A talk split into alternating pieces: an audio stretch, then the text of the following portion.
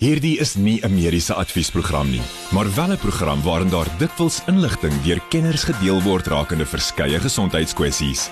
Vir persoonlike raad of advies, raadpleeg jou mediese dokter of sielkundige. Groot trauma op Groot FM 90.5. Dis tyd vir 'n paar nuus stories by mediese van wat nuus gemaak het en ons hoor 'n bietjie wat is dokter Jaco van die kerk se opinie daaroor. En uh, gewoonlik begin mense altyd met die doom and gloom en die negatiewe stories, maar ons koop vanaand afsonder met 'n positiewe storie oor Wes-Kaap se departement van gesondheid wat nou spog met 'n skoon audit. Ja, goeienaand Pieter en goeienaand almal by die huis. Um dis eintlik lekker om bietjie te begin met goeie nuus ook. Die Wes-Kaap se departement van gesondheid het die 4de agtereenvolgende jare skoon audit um gekry ten spyte van die feit dat die COVID-19 pandemie ook in hierdie tyd was. Um hulle sê dan uit die aard van die saak die um departement van gesondheid in die Wes-Kaap het dan 99% van hulle begroting gebruik soos wat dit deur die staat um goedgekeur is en dat dit dan uit die aard van die saak vir die regte um of op die regte plekke gebruik is en um dis een van die min staatsdepartemente ek dink is een van die enigste staatsdepartemente wat skoon audits kry Ehm um, die DA se woordvoerder vir gesondheid in Wes-Kaap het Dinsdag die departement geloof dan nou vir sy skoon audit mening en daarop gewys dat ehm um, 99% van die van die ehm um, geld dan nou reg hanteer is. En as mens gaan kyk die twee vlae van die pandemie het hulle oor die 675392 gevalle ehm um, of behandel En dit is ongelooflik, jy weet, ja. um, as mens gaan dink net hoeveel hoeveel geld spandeer is om hierdie mense te behandel. Um daar is uit die aard van die saak ander areas wat dan um ook kommer uitgespreek het oor verkooste besteding van 12 miljoen en ondermatige besteding van 7 miljoen um van die ANC af. Maar um ek dink wel dan Wes-Kaap. Mm. Dan ek sien lyk vir my ongelukkig nou weer van daai tragiese stories waar Aguana Hospitaal in, in Johannesburg skik vir net meer as 17.8 miljoen rand vir 10 eise. Ja, die ehm um, die aan Gauteng het dan nou ehm um, bekend gemaak dat daar 1 miljard se eise teenoor die departement van gesondheid ingestel is. Ehm um, net op nalatigheid in die kraamsaal van die Chris Hani Baragwana Hospitaal in Soweto. Ehm um, en die departement erken net dat hulle al 17.8 miljoen uitbetaal het. En dis maar 'n druppel in die emmer teen 1 miljard. Ja. Die punt is daai 17.8 miljoen kan eintlik gebruik word vir instandhouding en vir vir poste oopmaak vir vir spesialiste. Um as mens gaan kyk, hulle sê um twee van die groot probleme is daar is tans nie 'n de, departementshoof vir die vir die obstetrie departement in Chrisani Baragwana nie en dan ook 'n uh, spesialisposte wat dan oop is. Um as mens gaan kyk na toerusting, sê hulle 4 van die 12 sonar masjiene wat beskikbaar is in die kraamsaal werk nie en twee oorhoofse verwarmers um werk ook nie. Nou as 'n babatjie gebore word, het jy daai oorhoofse verwarmers nodig want babas um verloor baie maklik hitte of temperatuur en en en dit kan uit die aard van die saak katastrofiese gevolge hê. Hmm. Maar ehm um, as jy gaan dink, daai 17.8 miljoen kan baie baie van daai probleme uit die weg ruim en dit kan maak dat die dat die uitkoms van hierdie baba soveel beter is en dan gaan jou gaan jou eise baie minder wees. Ek ek eis om te dink as 'n mens daai 1 miljard gaan moet betaal mm. waar dit gaan eindig. Ek dink nie um, ons hele departement gesondheid in die land gaan dit kan kan hanteer nie. Never mind Gauteng. Ons net nou weer terug en onthou ons gesels 'n bietjie later oor mediese fondse. So as jy nog altyd 'n vraag gehad het oor mediese versekerings of mediese fondse, is dit nou jou kans. Ons het 'n kenner in die ateljee. Ons WhatsApp nommer is 061 610 4576. Onthou standaard tariewe geld. Groot trauma met Pieter Kloete en dokter Jaco van die Kerk op Groot FM 90.5. Dis tyd vir stories by mediese front wat nuus gemaak het en ons hoor weer wat is dokter Jaco van die kerk se opinie daar rondom. Uh, ons het nou net gepraat oor uh, Baragwana Hospitaal uh, wat ongelooflike baie geld moet uitbetaal op mediese fondse of althans op mediese nalatige uitbetalings. En uh, ons bly by staatshospitale. Dink my die dokter Joe Pala, minister van gesondheid nogal goeie nuus gegee, maar ongelukkig net vir staatshospitale Jaco. Ja, ehm um, hy het dan nou gesê dat 72 staatshospitale te midde van die voorslepende beerdkrag in die land tot dusver gevrywaar is van beerdkrag. Ehm um, hy het dit Dinsdagmiddag in 'n mondelingse vraag en antwoord sessie in die Nasionale Raad vir Provinsies gesê. Ehm um, die groot ding is hy sê dis die grootste staatshospitale en dan die 9 provinsies wat dan nou ehm um, hierdie 72 hospitale ehm um, omsluit en dan ehm um, hulle hy het eintlik maar basies gesê in terme van die vraag op watse stappe daar gaan wees vir die departement om beerdkrag te versag op staatshospitale en die vermoë om lewensreddende en verantwoordelike hulle verantwoordelikhede na te kom. Ehm um, sommige van die staatshospitale is al ver oor hulle begroting vir diesel want meeste van die staatshospitale het diesel kragopwekkers en ehm um, uit die aard van die saak word daar nou geld gebruik vir diesel eerder as om uh, vir pasiëntsorg um, te gaan en dan het hy dan nou uit die aard van die saak gesê daar's 72 hospitale en hulle gaan poog om meer um vry te stel. Dit is net um half swaalf sleggerig en ek dink is half onregverdig om net die staatshospitale uit te sonder. Ek dink alle hospitale gaan gebuk onder um beerdkrag en uit die aard van die saak ook die uitgawe van um kragopwekkers en agtergrondkragopwekkers. Mense moet ten minste twee um twee backup kragopwekkers hê. Um in in dit uit die aard van die saak kos kos net ongelooflik geld en dit maak net dat koste van behandeling van pasiënte net meer en meer en meer word. Sjoe. Nou, ons bly ook by Charlotte Macleke Hospitaal, die akademiese hospitaal wat vroeër ehm um, in of althans laas jaar ehm um, aan die brand geraak het en hulle reken nou dat hy binnekort gaan oop wees, Janko, of is binnekort nie nie gou genoeg nie. Ja, is eintlik 'n lagwekkende storie. Hulle is so opgewonde want ehm um, ek meen ons is nou nog in 2022. So hulle is baie opgewonde om te sê dat die Akademiese Hospitaal in Johannesburg dan nou 13 Desember 2023 oop sal wees. Ehm um, en dan kan hulle uit die aard van saak weer besigheid doen op volle ehm um, op volle kapasiteit. Maar ehm um, hulle werk aan die Johannesburg se metro se brandvoorskrifte wat hulle sê eers Februarie 2026 afgehandel gaan wees. Jy weet, dit is daarom nou al hoe lank wat hierdie probleem ehm um, uh, uh voortduur. Dis al 'n jaar, 'n jaar en 'n half wat die brand gebeur het en ons gaan nog 'n jaar en 'n bietjie sit voordat die die bouwerk klaar is. So dit vat 3 jaar om om 'n herstelwerk te doen aan 'n hospitaal en dan nog 3 jaar om om brandvoorskrifte te hê en As jy nie jou voorkoming kan doen in terme van brandvoorskrifte net van die gewone um, munisipale raad en en rade nie, dan um, is die kans dat daar weer 'n brand gaan wees seker uit die aard van die saak baie hoog. En as jy gaan 3, 4, 5, 6 jaar vat om daarby uit te kom, um, moet jy nie geskok wees as jy weer skade optel dink ek nie.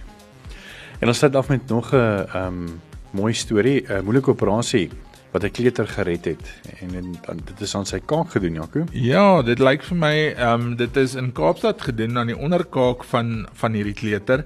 Ehm um, wat dan 'n dogtertjie is wat 'n groep chirurge die onderkaak herbou het nadat 'n gedeelte van haar onderkaak of mandible deur 'n gewas weggevreet is. Die dogtertjie bly anoniem om haar identiteit te beskerm met die aard van die saak. Ehm um, sy het na geboorte dan wat hulle sê 'n nikolaardige gewas ontwikkel um lank sukkel om die ding te te te, te diagnoseer en dan um om om uiteindelik te behandel vir volle mobiliteit van haar gesig. Nou mense dink aan 'n nikwaardige gewas en dan dink jy dit gaan jou nie doodmaak nie, maar dit alle gewasse het 'n effek op 'n mens se lewe dink ek aan die einde van die dag. Um in hierdie geval uit die aard van die saak, die mandible wat opgevreet is deur hierdie deur hierdie gewas En ehm um, ja, dit maak nie dood nie, maar dit gee baie morbiditeit of of komplikasies en en en en swak lewenskwaliteit aan hierdie pasiënte. En uit die aard van die saak, ehm um, dis 'n seldsame tipe siekte en ehm um, uit die aard van die saak ook die die die chirurge wat hierdie tipe van operasies doen is is redelik eil gesaai veral in 'n staatsopset ook. Ehm um, en ek dink dit is uit die aard van die saak 'n baie goeie 'n goeie uitkoms vir hierdie kind en ek hoop regtig waar um, daar kom nie 'n her of of of of weer 'n tumor uit nie en en daar kom nie 'n terugval ehm um, wat sy weer weer gewassel ontwikkel nie. Ons net hier dan weer terug en dan begin ons gesels oor mediese fondse. So as jy enige vrae het oor mediese fondse, nou is jou kans 061 610 4576 onthou staan daar tariewe geld. Met die volgende program bo Groot FM 90.5 om jou as luisteraar met die nodige inligting oor 'n spesifieke onderwerp te voorsien. Alhoewel hierdie inligting dikwels deur 'n kenner op die gebied gedeel word, word jy aangemoedig om jou mediese dokter of sielkundige te besoek vir persoonlike advies of raad. Groot trauma op Groot FM 90.5.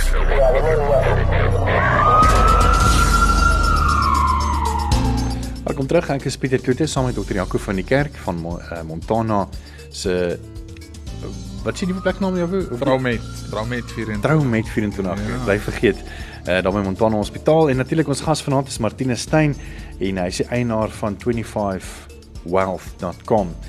Ehm um, ons gesels 'n bietjie oor mediese fondse en Martinus dink om af te skop, moet ons miskien ook van die uh, Jaco te baie goeie mite wat hy bietjie later gaan deel.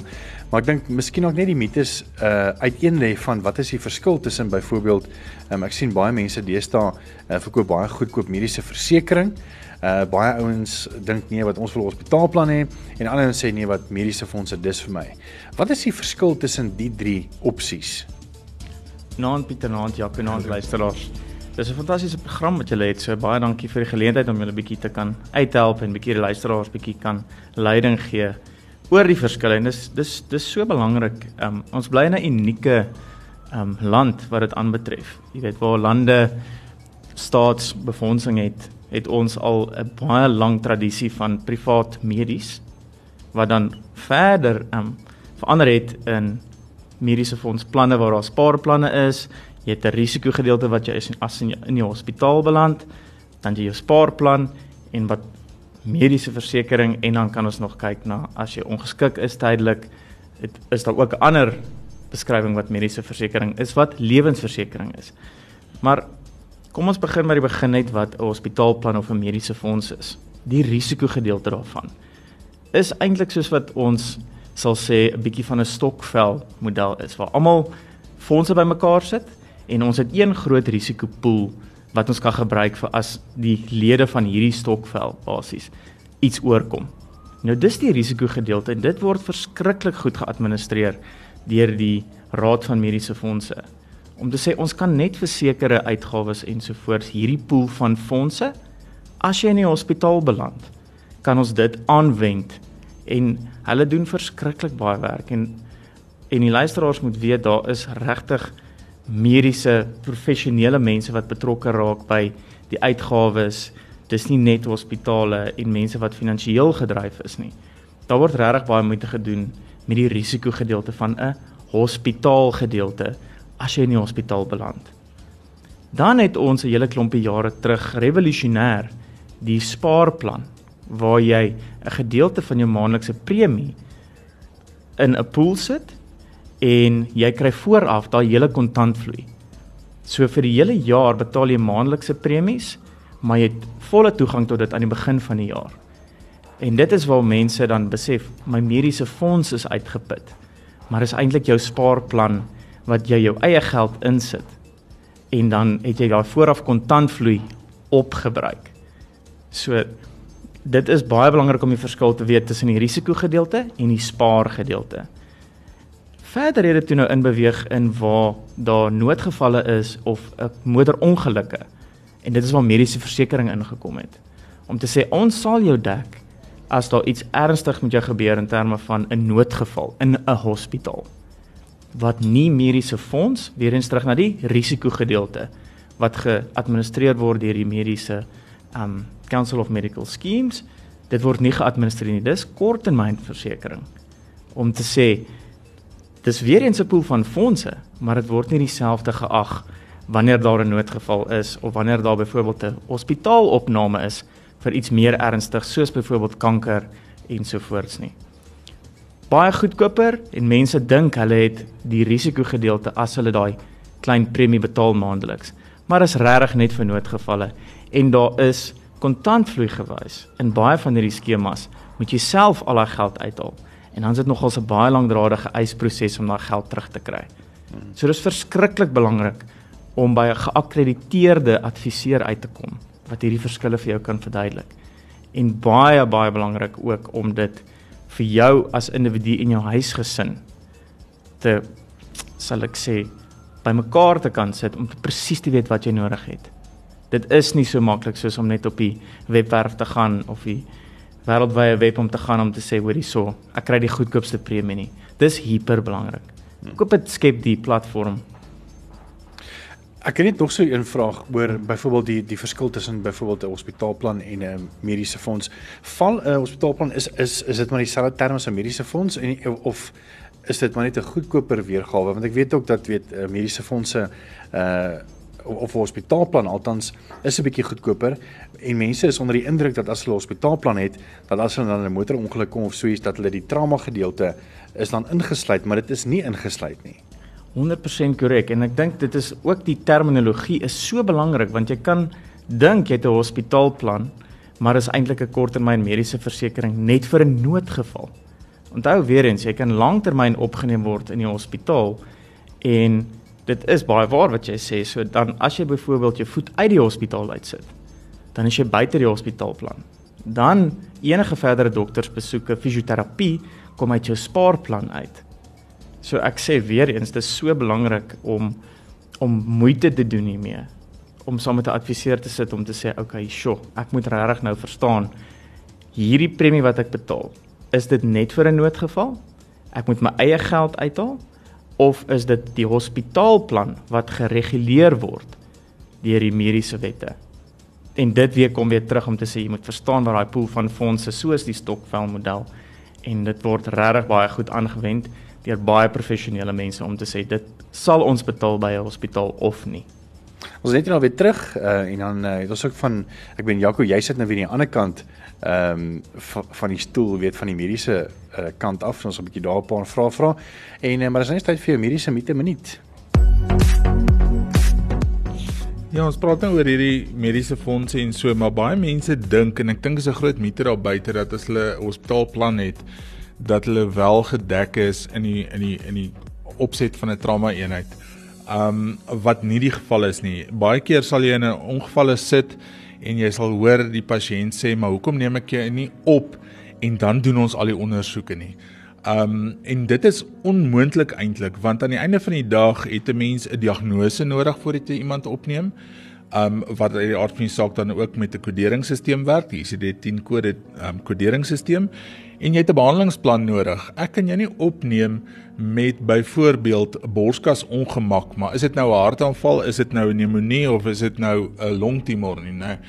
En die behandelingsmodaliteite en die behandelingsplanne vir al drie hierdie goed verskil dramaties. So ek kan jou nie opneem en dan jou CT scan doen nie.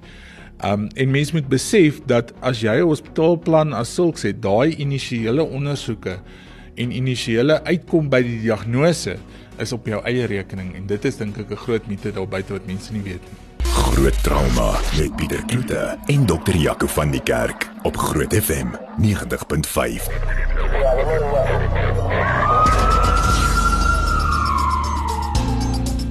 Welkom terug. Uh, dis groot trauma en ons gesels 'n bietjie oor mediese fondse en die meer. As jy enige vrae het, stuur ons op WhatsApp 061 6104576 onthou staan daar die geld. En dankie vir die vrae wat alreeds deurgekom het. Ons gaan so 'n bietjie in die program ehm um, daarna kyk.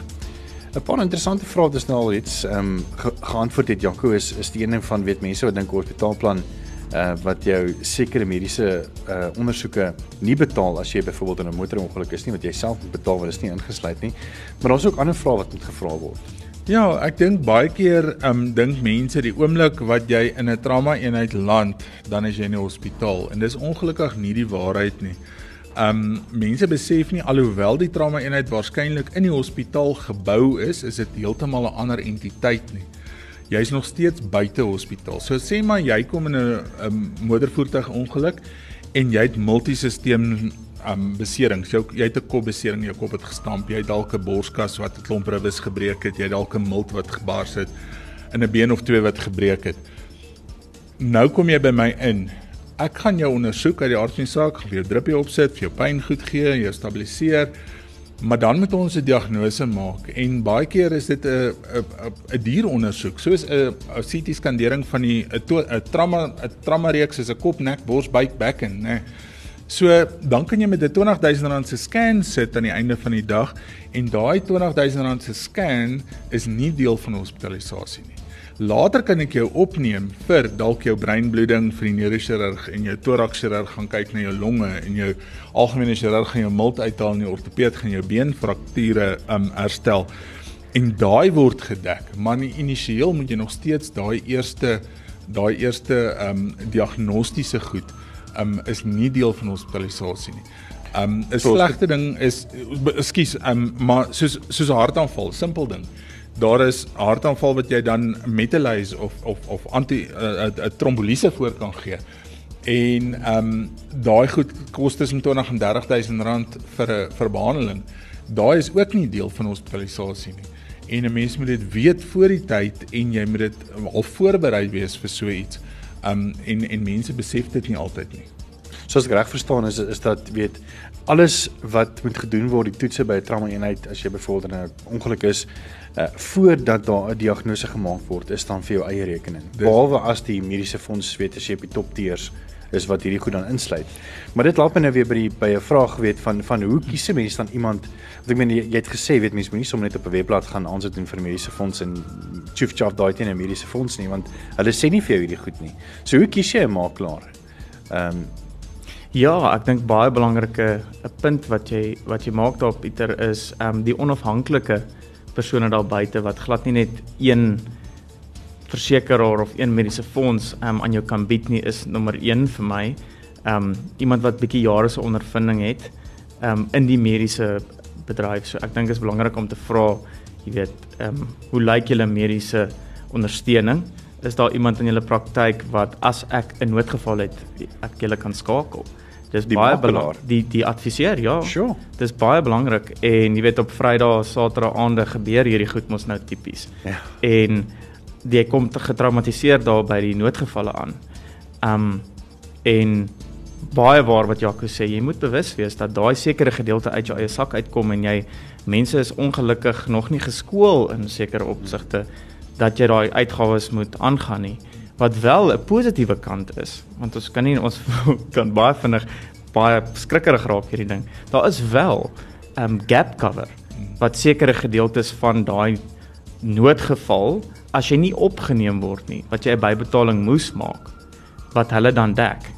Natuurlik teen 'n limiet per jaar en jy moet baie mooi tegnies weet hoe dit werk. Ehm, um, maar daar is oplossings vir dit.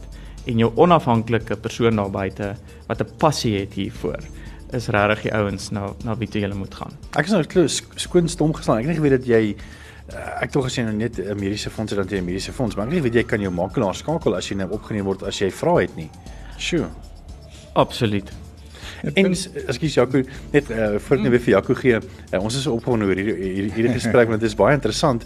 Ehm um, wat gebeur byvoorbeeld as 'n makelaar byvoorbeeld as iemand gaan na 'n makelaar toe wat net vinnig hulle 'n uh, mediese fonds aan hulle skryf en nie verduidelik wat die voor en nadele is nie en hulle word opgeneem en hulle was nie bewus daarvan nie. Ek meen gewoonlik is lyk like, lyk like dit asof die dokter of die hospitaal nou die die die die bad guy is. Ehm um, maar tog weet hoe word die makelaars aanspreeklik gehou vir hierdie? Is daar 'n omboed vir vir makelaars in die mediese afdeling of hoe werk dit? Baie goeie vraag Pieter. En jy weet daar's 'n paar instansies in Suid-Afrika wat nog regtig goed is. Jy weet, ehm um, ons bankstelsel, ons glo dit of nie is baie goed en dan ons regul regulator wat ehm um, kan sê of jy kan advies gee of nie. Jy weet en dan het jy 'n uh, oorsig persoon spesialis wat na jou praktyk moet omsien So daar's baie audits wat gedoen word om te sê het jy 'n rekord van advies? Het jy mooi kon verduidelik en jy kan jy op skrif sê waar die kliënt geteken het dat hulle gemaklik is met die besonderhede van wat jy aan hulle verkoop het. So daar is regtig in die agtergrond en dis hoekom nie enige iemand eintlik aan jou behoorlike mediese dekking kan verkoop nie. Ehm um, so dit is belangrik om te weet daar is darm 'n bietjie beskerming in die FSCA.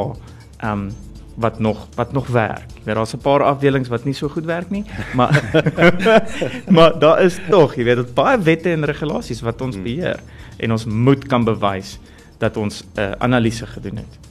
Ek dink baie belangrik is ook magtiging vir prosedures. Um 'n mens het regtig ek is nou baie betrokke met met van die ortopediese operasies En mense dink iets soos 'n heupvervanging of 'n knievervanging is 'n voorgestelde mi minimum um, voordeel vir vir vir hulle. Maar dit is nie die waarheid eintlik aan die einde van die dag nie.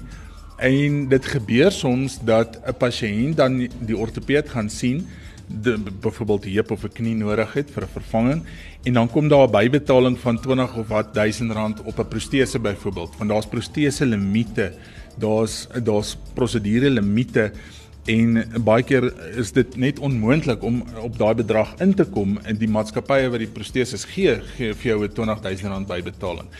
Um die pasiënt moet binne omre en dink ek dit weet en die prosedure hoe daai magtiging werk moet hulle ook weet. Daar's 'n verskil tussen iemand wat wat val breek in 'n heupfraktuur en dan dan uit die aard van die saak is funksie verlies, dis dis trauma. En ek dink dis heeltemal belangrik om te weet ook dat daai daai persoon dalk dan nou gaan kwalifiseer vir of sy vervanging, maar 'n elektiewe vervanging byvoorbeeld nie. Um en en en wie se verantwoordelikheid is dit eintlik om daai vir die pasiënt te verduidelik? Ja, baie baie goeie. Want dis 'n moeilike ding in 'n praktyk om dit te doen. Ja. Ek meen jy kan jy kan nie by elke liewe prosedure en elke liewe PMB uitkom mm. in jou verduideliking nie. Mm. Jy weet dit is baie waar. So ons gaan altyd 'n mate van risiko loop in terme van wat ook al met jou gebeur. Mm. Jy weet wat my reël is om te sê, ehm um, en 'n mens moet bietjie beweeg na ehm um, as jy byvoorbeeld jou voertuig stamp, as iets met jou voertuig gebeur, onderhandel jy hmm. tog met jou paneelklopper. Wat gaan jy doen? Hoeveel gaan dit my kos? En ek kry 3 kwotasies. Hmm. Byvoorbeeld. Mense moet begin beweeg in dieselfde rigting vir hulle medies, hmm. vir hulle liggame. Ek weet dis emosioneel as jy moet by 'n prosedure of 'n ding kom, maar dis waar goeie advies ook inkom sê. Kom ons sit saam om 'n tafel, meneer, mevrou dokter. Kom ons kyk wat moet gedoen word. Dek my plan dit of nie? Onthou dit raak nou nog meer tegnies want ons het nou netwerkdokters, ons het netwerkhospitale, ons het nuwe prosedures.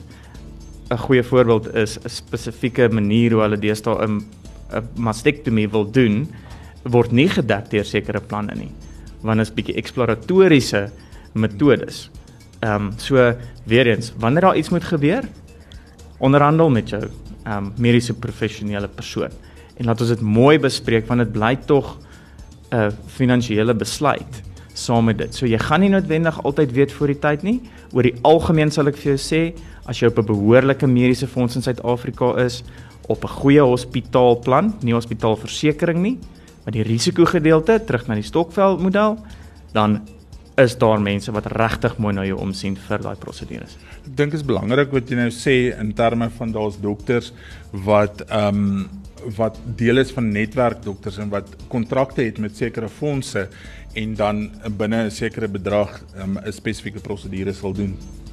Ja. Hierdie insetsel word geborg deur Caressa Home Nursing Care, die voorsiening van tuisverpleging en verpleging. Ons verpleegsters en versorgers kry nie altyd die erkenning wat hulle toekom nie en daarom wil Groot FM 90.5 en Caressa Home Nursing Care van hulle hoor. Al wat jy moet doen is om 'n geregistreerde verpleegster of versorger te nomineer.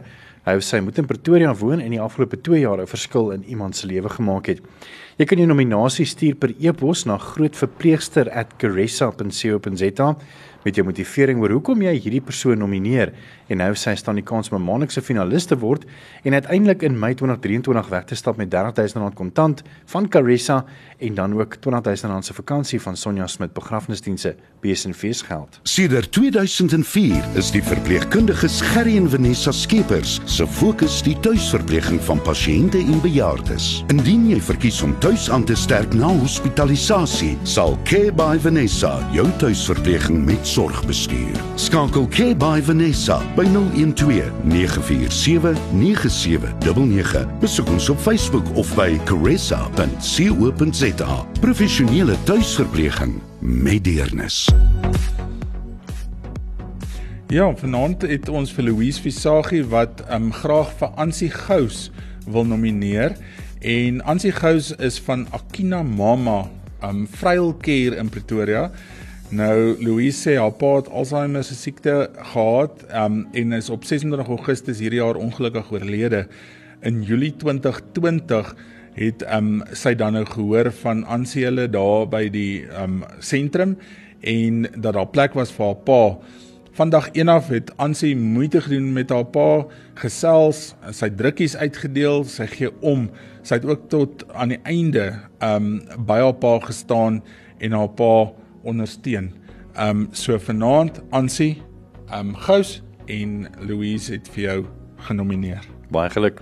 As jy iemand wil nomineer, e-pos is grootverpleegster@caressa.co.za. Hierdie is nie 'n mediese adviesprogram nie, maar wel 'n program waarin daar dikwels inligting deur kenners gedeel word rakende verskeie gesondheidskwessies.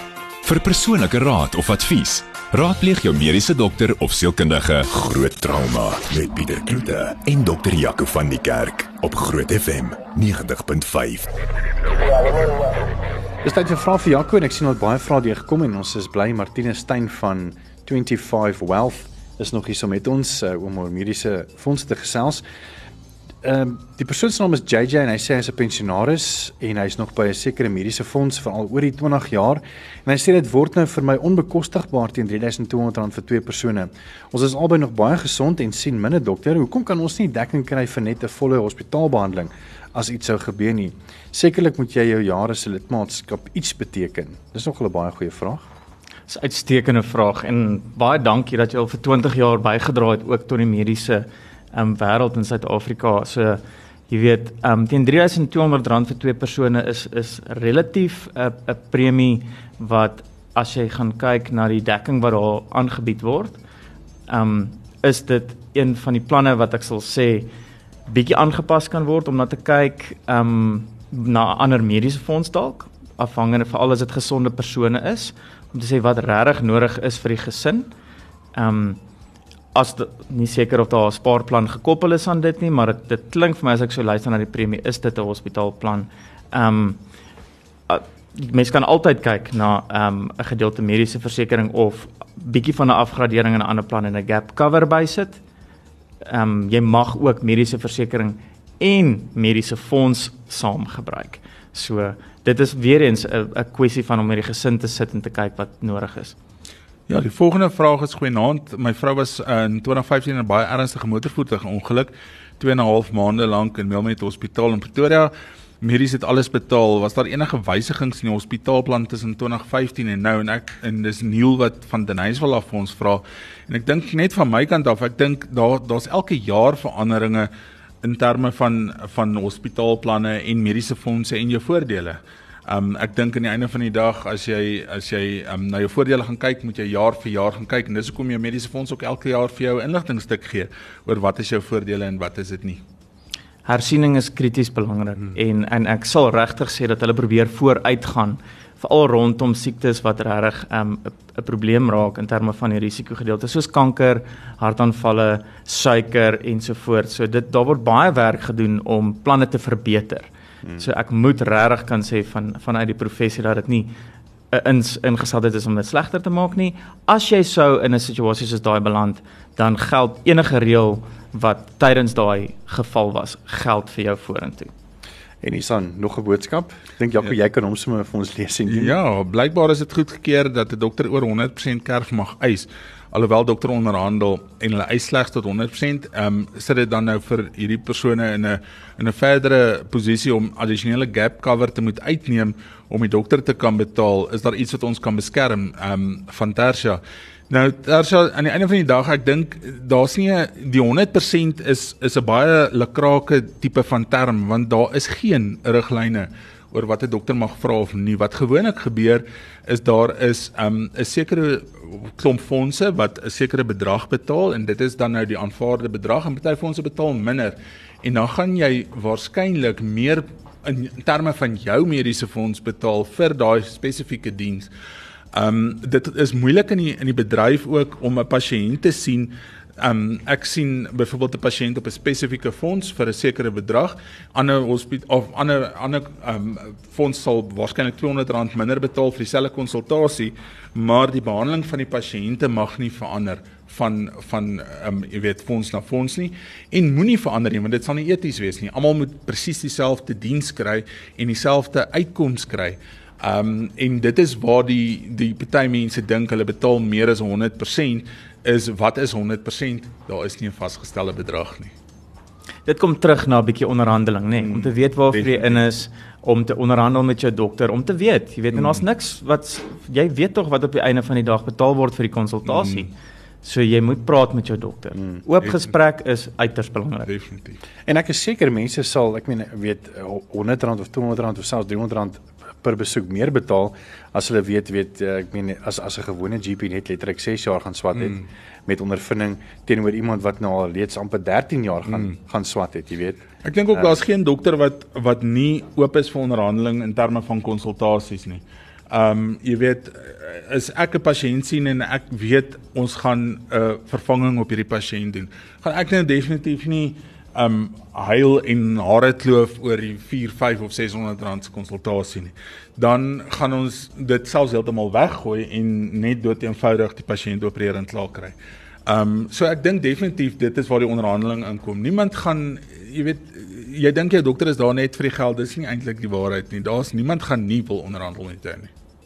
Die kruks van die saak is ons moet almal saamwerk om mediese inflasie te beheer. Hmm. Dis dokters, dis adviseurs, dis kliënte, pasiënte, mense in die bedryf, almal moet saamwerk.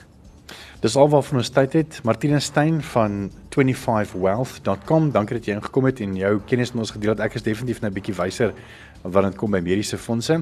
En ehm um, as jy graag hierdie potsending of hierdie program weer wil luister, dit sal so teen Vrydag op ons webblad wees grootfm.co.za en dan podcasts en dan net groot trauma. Dankie dokter Jaco van die kerk soos altyd Dieter en natuurlik Martina Stein van 25 Wealth. Dankie manne. Groot trauma met Pieter Kloete en dokter Jaco van die kerk op Groot FM 90.5.